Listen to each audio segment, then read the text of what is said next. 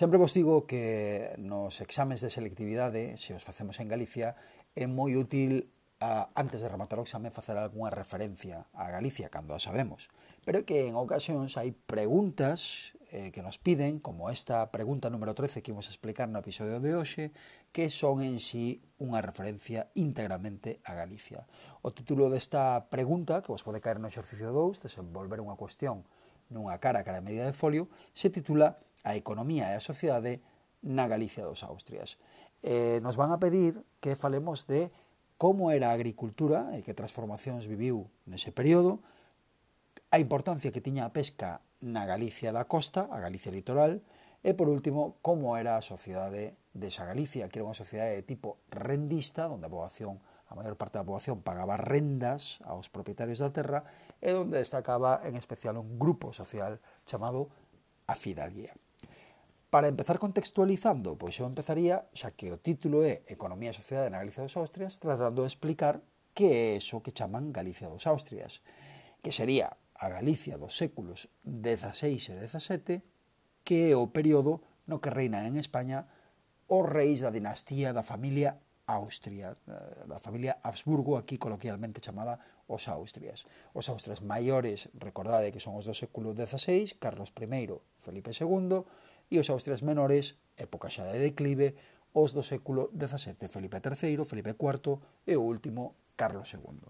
Entón, como se vivía a nivel económico e social en Galicia nesta época? Pois, bueno, a pesar da posición que Galicia ten no mapa de España, no para a Península Ibérica, que é unha posición periférica, esquinada, nun recuncho, a Galicia se converteu pronto nun punto vital dentro do Imperio Español porque era un punto desde o cal se contactaba por mar coas posesións que a, o Imperio Español tiña en Europa, por exemplo, con Flandes, cos Países Baixos. Así que desde ese punto de vista sí que era un punto vital para os Austrias. Así que, para reforzar ese punto vital, os austrias lle deron ou mantiveron aquí tres institucións clave, tres institucións para manter o control desta, desta rexión.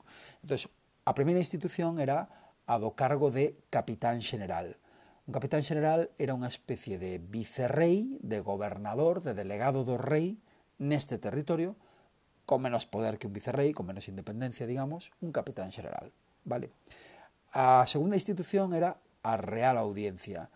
Sabedes que desde os reis católicos a Real Audiencia era o nome que recibía os tribunais de xustiza que dependían do, do rei. E aquí había unha Real Audiencia que tiña a súa sede, igual que o capitán general, na cidade de A Coruña. E por último estaban unha terceira institución que se denominaba, isto é un concepto, ollo, pode caer tamén na pregunta unha, as xuntas do reino de Galicia. Entón, definámolo, para telo claro, pois unha xunta é unha reunión de persoas, Reino de Galicia era a denominación que tiña esta zona, a pesar eh, de que, de, bueno, digamos que en honor a que, a que ao reino que fora antigamente, desde os co, cosuevos, no? e posteriormente durante un período de reconquista, estas, perdón, estas xuntas do Reino de Galicia entón eran un órgano de consulta do rei de España, do rei do Imperio Español. Desde o século XVI, eh, desde cando funcionaba esta xun, estas xuntas como órgano de consulta, e actuaba como portavoz das sete capitais de provincia galegas, das sete grandes cidades galegas que había nesta época dos Austrias, que eran um, no sur Tui e Ourense, e no norte Santiago, uh, Mondoñedo, Ferrol e Betanzos. Esas eran as sete grandes cidades, entonces portavoces desas cidades eran as que se reunían nas xuntas do Reino de Galicia cando o rei o reclamaba, porque era o rei quen as convocaba, porque necesitaba, sempre era para esta finalidade, necesitaba impostos ou soldados extra. De feito, estas xuntas, estas xuntas do Reino de Galicia, eran moi pouco reivindicativas, estaban formados por xente acomodada, nobres e fidalgos, e era un mero órgano de consulta, era unha mera formalidade para o rei, aquí nunca se lle decía que non, vale? pero existir existía esta institución. Así que isto, digamos que é a organización política que hai en Galicia, cosa hostia, un capitán general, general unha Real Audiencia e unhas xuntas do Reino de Galicia que se reúnen a demanda do rei cando necesita ingresos extra ou soldados extra. Entón, ahora sí, entramos ao esqueleto do tema, porque nos piden que falemos de tres cousas, de agricultura, de pesca e de sociedade. Empecemos pola agricultura. O 80% da poboación de Galicia durante o reino dos Austrias vivía do campo. O 80%. Hai que descontar, é dicir, do 20% restante non todos eran nobres ou clero, tamén estaban xentes do mar, ou os artesáns, ou os comerciantes, vale? Pero o 80% vive do campo. O modo de producción é plenamente feudal, como na Idade Media, é dicir, aquí se cultivan cereais, basicamente, en terras que non son propias do campesiñado, senón que son da nobreza ou da igrexa, e eses señores propietarios da terra a cambio de cederllas aos campesiños para que as poidan traballar e vivir delas, reciben unhas rendas, vale? Que suelen ser en especie, pois unha porcentaxe das cousas que os campesiños, dos alimentos que os campesiños producen. Eso é un modo de producción feudal, vale? Non se, pro, non se producía para vender no mercado, producíase para ser capaz de pagar as rentas aos propietarios da terra. Vale? Entón, recapitulo, o 80% da poboación vive no campo, teñen un modo de producción feudal, donde traballan terras que non son súas a cambio do pago dunhas rendas, basean todo o traballo no cultivo, en concreto dun tipo de planta, o cereal, que era a, a base de, de toda a dieta do momento, os cereais, trigo, centeno, eh, millo, etc. E as crises alimentarias ou as fames son moi frecuentes porque todo alimento depende do que a terra sea capaz de producir, pero cando a agricultura é pouco avanzada, ven unha época de choivas persistentes ou ben un granizo nun momento pouco adecuado, cando a planta está empezando a bromar, que ten unha folla moi tierna, moi tenra e eh, eh, facilmente dañable, ou ben unha xeada, ou ben unhas neves, o que sea, no? ou unha plaga, e se estropea e non hai colleita. Por iso as fames serán frecuentes. E ata mediados do 17, é dicir, ata poucos anos antes de que os austrias acaben abandonando o trono de España, se introduce pola costa desde América o cultivo dunha planta, dunha planta que o vai a cambiar todo, especialmente na Galicia máis cercana á costa, que é o millo, o maíz, o millo que coñecemos hoxe de grano de gran bastante grosso, ese millo procede de América, non era o que había en Europa. Aquí se cultivaba millo, se lle daba ese nome ademais, millo, pero era un grao máis fino. Foi unha planta que acabou desaparecendo, desprazada por este millo que procede de América, que se planta noutra época, que é moi productivo e que permite paliar, eh, reducir esas fames frecuentes que padecía a poboación eh, que se dedicaba ao traballo da terra cultivo do millo significa máis alimento disponible, máis terras cultivadas, porque ahora hai unha planta nova que se cultiva que, que, que necesita espacio, entonces se roturan novas terras e se planta millo e comeza a medrar a poboación gracias a que ahora hai máis pan por este millo que se planta e que chega da América. E esta é a agricultura do reinado dos Austrias en Galicia. En canto á pesca, Galicia ten Todavía hoxe unha das rexións da Península Ibérica con maior España, desde logo, con maior cantidad de kilómetros de costa, pois aquí na costa a poboación tiña a posibilidade de aliviar estes problemas da agricultura por medio dunha pesca que daquela era, obviamente, moi tradicional. É dicir, falamos da agricultura, moi ben, pero ademais na costa se, re, se recurría a pesca para eh, alimentar a xente. Pero unha pesca moi tradicional. Tradicional en que sentido? Bueno, no sentido que se agrupaban en gremios. Todos os mariñeiros, todos os que faenaban, todos os que vivían do mar, tiñan que formar parte dun gremio. Pois poño un extracto moi pequeno dun documental que se metiu na Galega, Historias de Galicia, onde falan un pouquiño de que eran estes gremios. Os gremios de mar, ademais de organizar e regular a pesca, recibían unha porcentaxe das capturas para necesidades religiosas da confraría ou para desenvolver o labor asistencial entre os seus agremiados. Desa maneira, dan cobertura ás necesidades das familias mariñeiras máis desfavorecidas.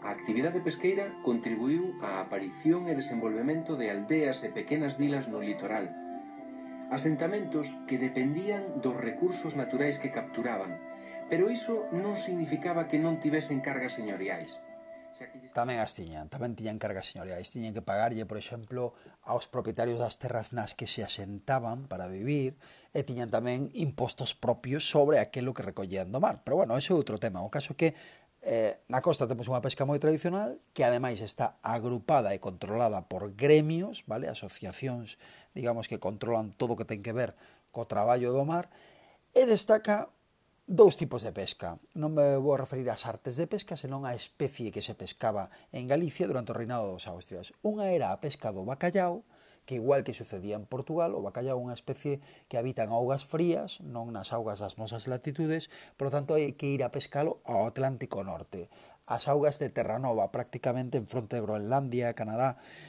Así que se iba ata aí, en unha pesca de, de altura de varios meses, a pescar bacallao. Esta era a primeira especie que destacaba. A segunda era a da sardiña. As rías galegas, especialmente as rías baixas, especialmente a ría de Pontevedra, era moi abundante en a sardiña. Eh, polo tanto, esa foi unha das, un, unha das especies máis capturadas eh, eh, e importantes da, da pesca na, na Galicia litoral. Eh, Obviamente, como non había congeladores, a maneira de conservar a sardiña era salgala, metela en, en, en sal, e iso permitía comerciar con ela, o produto se conservaba durante máis tempo, e se comerciaba con ela levándoa a lugares por mar, por barco, xeralmente, como Sevilla, Lisboa, Porto, Bilbao ou Amberes, xa nos Países Baixos. Antes decíamos que Galicia pese a súa posición periférica, permitía o contacto cos Países Baixos, aí o tedes, no? A sardiña galega chegaba a viaxar a venderse en Amberes. E por último, teríamos que falar do último, do derradeiro elemento que caracteriza esta sociedade da Galicia dos Austrias, que é, pois eso, como era a sociedade. E era unha sociedade obviamente moi rural, xa dixemos que o 80% da poboación vivía do campo, non había prácticamente cidades, ou as que había, antes falamos das sete, principais cidades, as capitais de provincia, das sete provincias da, que había daquela en Galicia, eran cidades moi pequenas e entre elas destacaban tres. Unha era Santiago, que destacaba por ser sede do bispo da catedral, unha cidade con moito poder desde había moitos séculos, destacan os religiosos, se queredes, a Coruña, que era a sede das institucións de goberno dos Austrias, é dicir, aquel capitán general, aquela real audiencia, estaban tiñan a súa sede na Coruña. E por último a cidade de Pontevedra, precisamente pola importancia da pesca e pola riqueza que deu ali a pesca da, da sardiña. Esas eran as cidades que destacaban, pero eran cidades moi pequenas. E que pasaba coa nobreza? Pois que a nobreza galega, xa desde a época dos reis católicos, que fixeron grandes esforzos por restarlle poder á nobreza, pois a nobreza galega, a alta nobreza galega, os donos dos grandes castelos e das grandes propiedades, fora levada a Castilla para ocupar cargos importantes, seducida por este rollo de ocupar cargos importantes en, bai, en baixadas, no estranxeiro, uh, cargos na, na, nas, nas cortes de Castilla, o que fora, no? Foron seducidos e levados lonxe destas terras para ocupar postos relevantes na administración do Imperio Español. Isto é o que explica, é dicir, esta ausencia da alta nobreza é a que permitiu o auxe de outro tipo de nobre. Un nobre de menor alcurnia, de menor, digamos, rango, que o fidalgo. A palabra fidalgo ven de fillo de algo, vale? É dicir, eran familias acomodadas, pero que non tiñan o enorme poder desa nobreza que fora levada a, a Castilla e que eran os donos da maior parte do territorio galego. Pois esa fidalguía, durante o reinado dos Austrias, vive un auxe se converte nun grupo social moi influinte no século XVII ao encargarse eles ao adoptar unha tarefa moi peculiar que era a do cobro das rendas que os campesiños debían pagar aos nobres propietarios das súas terras, que eran nobres que non estaban porán levados a Castilla, estaban fora, eran familias que vivían fora de Galicia xa. Pois os fidalgos van a ser os intermediarios, van a ser os que, en ausencia da nobreza, se encarguen de que os campesiños lles paguen a nobreza o que lles teñen que pagar, o, o, o que lles teñen que, que pagar, esas rendas ou foros que lles debían por traballar as súas terras. E isto, agricultura pobre, eh, compensada pola entrada do millo, pesca eh, destacable na zona litoral de Galicia, especialmente polo bacallao, pola sardiña e polo poder dos gremios, E fidalguía como grupo social dominante no século XVII son as características desta Galicia dos Austrias. Nada máis, espero que vos gustara, vos axude e nos vemos no seguinte. Chao, chao.